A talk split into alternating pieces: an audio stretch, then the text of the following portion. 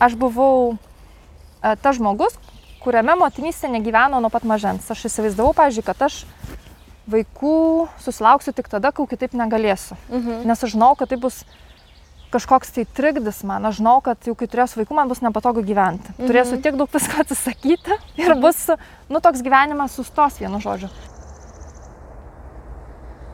Aš manau, kad man taip atrodo todėl, kad aš esu jautri ir man dažnai tai, kas kito žmogaus, pavyzdžiui, ne tai, kad nežeistų, bet jis net dėmesio tai net kreiptų. Man būdavo visą laiką labai jautru. Ir aš taip, e, tokį turėjau kaip, nu tikrai, vat, interpretaciją pasaulio, kad šeimoje, nu, būna daug skaudžių dalykų. Pati didžiausia dovana man buvo, tai vaikų ateimas į šį pasaulį, nes aš tada, nu, kaip niekad stipriai pajutau, grįžau į save ir pagaliau pirmą kartą gyvenime nebijojau, man atrodo, vat, būti tokia ypatingai jautra ku, aplinkoj, kuri, nu, kuri galbūt nėra tokia jautri. Taip statistiškai, man atrodo, paskaičiuota, kad itin jautrų žmonių yra gal iki 20 mhm. procentų. Mhm. Tai nėra daug. Sveiki, jūs jungia tinklalaidę Kalba mamos. Čia aš Marija Keršanskinė ir vėl kviečiu jūs į miško maudynės. Šį kartą kalbame su Renata Cikanaitė, dviejų vaikų mama, kuri prieš 20 metų išvykusi į Paryžių Visai neseniai grįžo su vyru ir dviem vaikais gyvenimą kurti čia, Lietuvoje. Šiandien Renata yra pasinėrusi į tėvystės temas, dirba kočerė ir organizuoja konferencijas Tėvai ryšyje.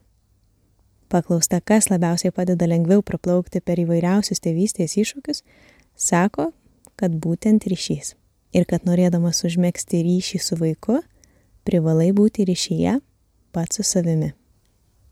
Pokalbį pradėjome nuo Renatos pasidalinimo apie darželius ir mokyklas Briuselėje, kur augo jos vaikai, apie tai, kodėl nusprendė grįžti ir ar nebuvo baisu leistis į šį nuotykį. O paklaususi, kas nutiko, kad visas jos gyvenimas šiandien sukasi aplink tėvystės temas, buvau pakviesta sugrįžti į Renatos vaikystę ir jos patirtis. Kalbėjome apie jautrumą ir jo keliamus iššūkius, apie mokėjimą primti kitą, kitokį Apie tai, kas buvo sudėtingiausia motinystės pradžioje ir kodėl visgi vaikai buvo didžiausia jos gyvenimo dovana. Išlaisvinusi, suteikusi progą išgyventi vaikystę iš naujo, padėjusi priimti save tokią, kokia yra, ypatingai jautri, kaip sako pati Renata. O dabar kviečiu pasivaikščioti miške su Renata. Aš žinau, kad tu gyvenai 20 metų ne Lietuvoje, ne? Taip.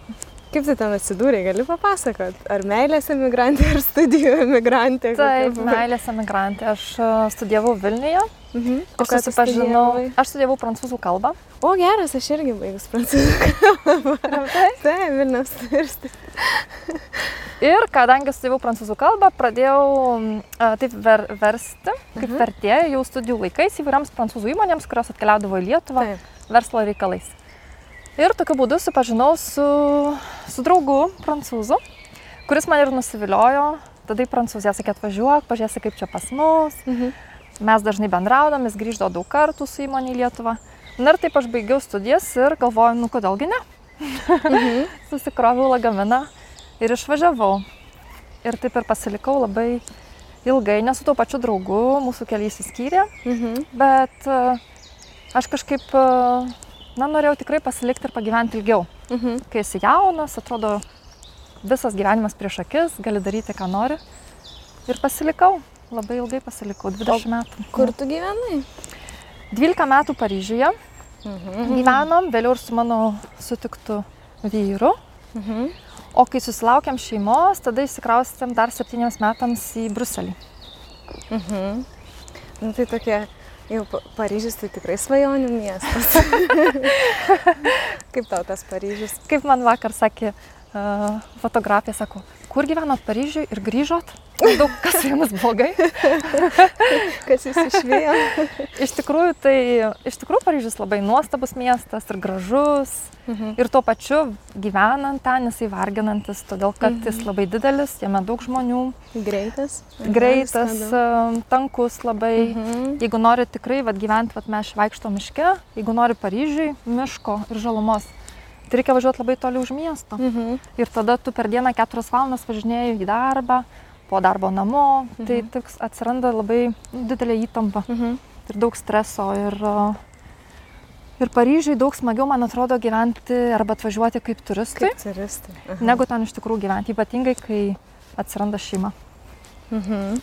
Kaip tau Briselis pasirodė? Nes iš Lietuvos, man atrodo, tikrai daugam tenka ar ten stažuotis, komandiruotis, Taip. kažkaip pasiekti, padirbti tame mieste, kaip tau jis pasirodė? Man jisai labai patiko. Labiau Jeigu patiko aš turėčiau pasirinkti, jo, aš rinkčiausi Bruselį.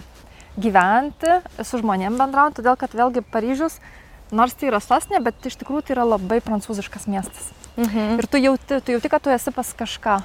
Pas kažką, kas tu jums galbūt malonus ir, mhm. ir domisi tavim arba nelabai, bet tu vis tiek jauti, kad tu esi kažkokia labai stiprioji senoji kultūroje. Mhm. Ir tu ją jauti, o vad Bruselis ir belgai apskritai jie tokie atviri, jie tokie smalsus, kas tu iš kur tu. Mhm. Ir tuo pačiu yra labai žmonių suvažiavusių, kaip tu sakai, iš visur, iš visos mhm. Europos.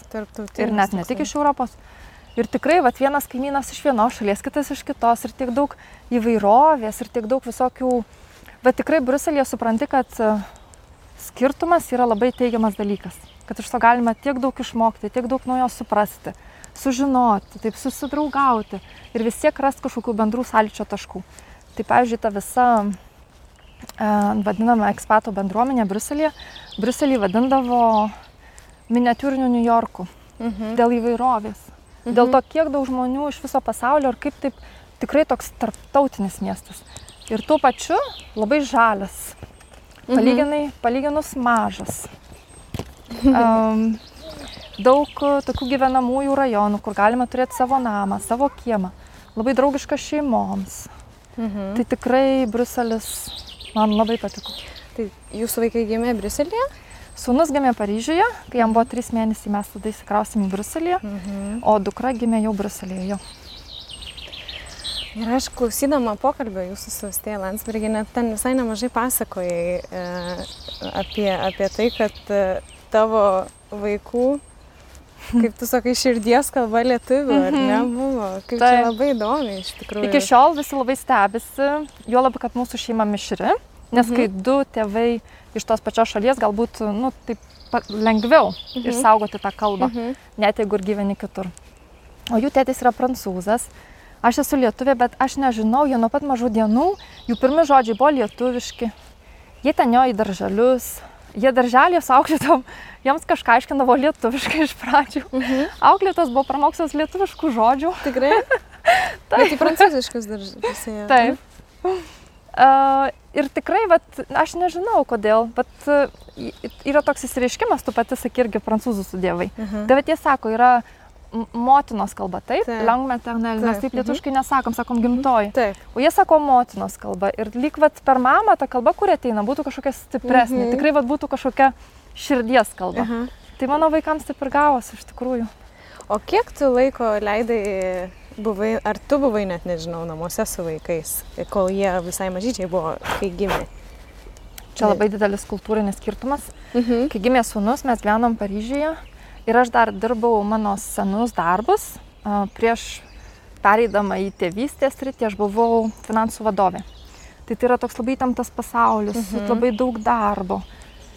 Ir Paryžiuje, kaip ir Belgijoje, bendra tokia motinystės kultūra yra tai, kad vaikus mes galim prižiūrėti namuose iki jų ketvirto mėnesio. Mhm. Ir tada vaikus visi veda į vadinamus lopšelius. Tai kai mano gimė sūnus, Mes tuo metu, aišku, persikursėm į Bruselį, bet aš vis tiek dar du metus dirbau iš Bruselio, kelias dienas važinėdavau į Paryžių, kitas dienas iš namų. Tai mums pasisekė tuo, kad um, vyras irgi dirba savo, tai mes pasidalinom savaitės dienas. Mhm. Aš dvi dienas namuose, jisai dvi dienas namuose ir penktadienį abu du kartu namuose. Tai buvo toks darbas ir darželis namuose. Mhm. vienu metu, iki tol, kol jam savo metukai, o jau metukų laiko tada keliavo į, į darželį. O kai gimė dukra, aš jau buvau pradėjusi e, mokytis kitur, pajaučiau, kad finansuose nebenoriu, viską, ką turėjau, atidaviau, dabar man įdomu kažkas kito, ar tas mhm. kažkas kito tai yra vaikai, jų psichologija ir apskritai toks asmeninis manęs pažinimas. Mhm. Tai aš su dukra pasilikau labai ilgai, nu tai pagal lietuviškas tradicijas namuose, mhm. kol jai buvo beveik du metukai. Ir, ir tikrai taip reikėdavo atstovėti už tai ir paaiškinti kitiems, kad aš nesu nelaiminga, mhm. būdama namuose su vaikais taip ilgai. Mhm. Nes tikrai kultūriškai labai skirtingai į tai žiūri. O kaip sekėsi pirmą laiką metukų išleisti? E, vis, visai dienai ar pusdienį? Pusdienį. Jisai buvo toks didelis miegalius. Tai mes jam leisdavom rytais įsiemiegoti, e, nu, kokių dešimt. Jis iki šiol miega, miega daug. Kokių dešimt. Tada aš jį nuvesdavau į darželį. Jisai jam pažaisdavo kokią mhm. valandą pusantros pamiegodavo pietų miego dvi valandas ir aš neįdavau jo pasimti. Mm, -huh. Tai toks buvo po truputį mhm. pratinimasis ir tuo pačiu man buvo daugiau Taip. laiko studijoms ir, ir šiaip namų ruošai. -hmm. tai tikrai ir kažkaip jisai irgi kažkaip labai tiko tas periodas jam. Uh, nebuvo kažkokiu tai didelio nenoro, pavyzdžiui, eiti. Kažkaip atrodė, kad įdomu su, su bendramžiais palakstyti darželį dažnai labai girdžiu tokius panuogastavimus dėl tų pas, persikelinimų į kitą šalį, ypač kai jau yra vaikai. Mhm.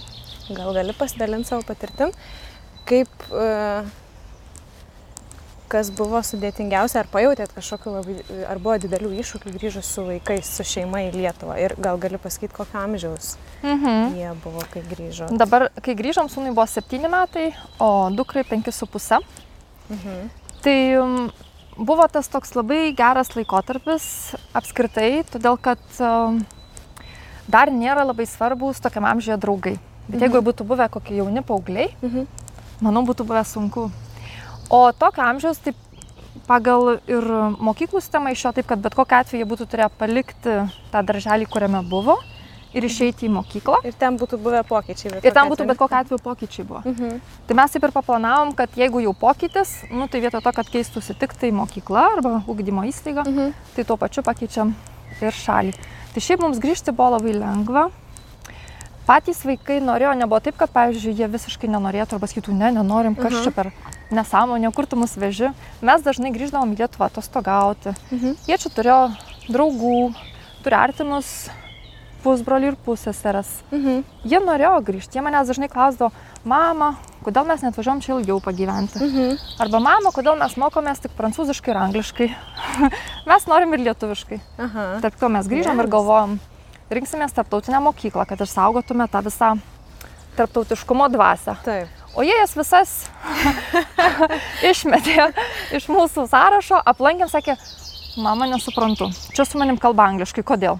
Skau, nežinai, čia tarptautinė, ne, mes tai norim lietuviškai, jau sakėm, maždaug nenusileisim.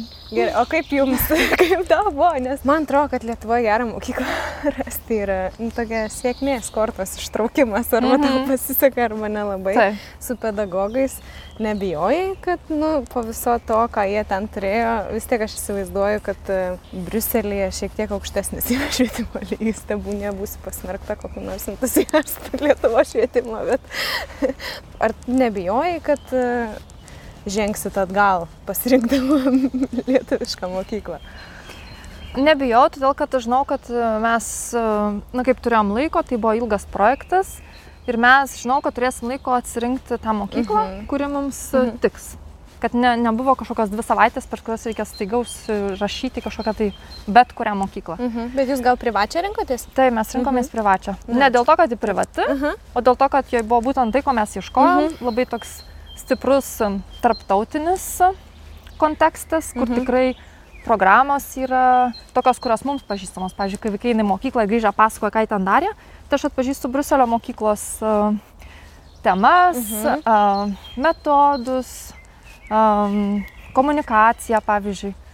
Tai dėl to, vat, būtent, kad išsaugotume tai, ką mes jau turėjome ir kas mums buvo labai brangu ir kas mums tiko. Mhm. Ir vėlgi mes palaukime grįžti būtent tuo metu, kai jau baigsis natūraliai ta ugdymo įstaiga, į kurią ėjome, nes mhm. mes galvojame grįžti jau prieš tris metus į Lietuvą. Mhm. Ir negrįžome, nes pagalvojom, bet jie, jiems čia taip gerai, kur dabar jie yra. Mhm. Ir dar liko 2-3 metai, kol baigs ir turės natūraliai pereiti į kitą mokyklą pasiliekam čia, kol viskas baigsis natūraliai. Mhm. Nes būtent buvo labai gerai. Čia girdėjai pokalbio ištrauką, jei norėtum jį perklausyti visą ir taip pat išgirsti kitų daugybę įvairių pokalbių apie motinystę su mamomis ir su įvairių sričių specialistais, kviečiam tave jungtis prie Kalbamamos narystės. Visą informaciją rasi www.kalbamamos.lt. Narės taip pat sustinka mamų rytmečiuose ir popietėse ir bendrauja, diskutuoja, dalinasi rekomendacijomis privačiose Discordo kanaluose. Laukiam tavęs prisijungiant.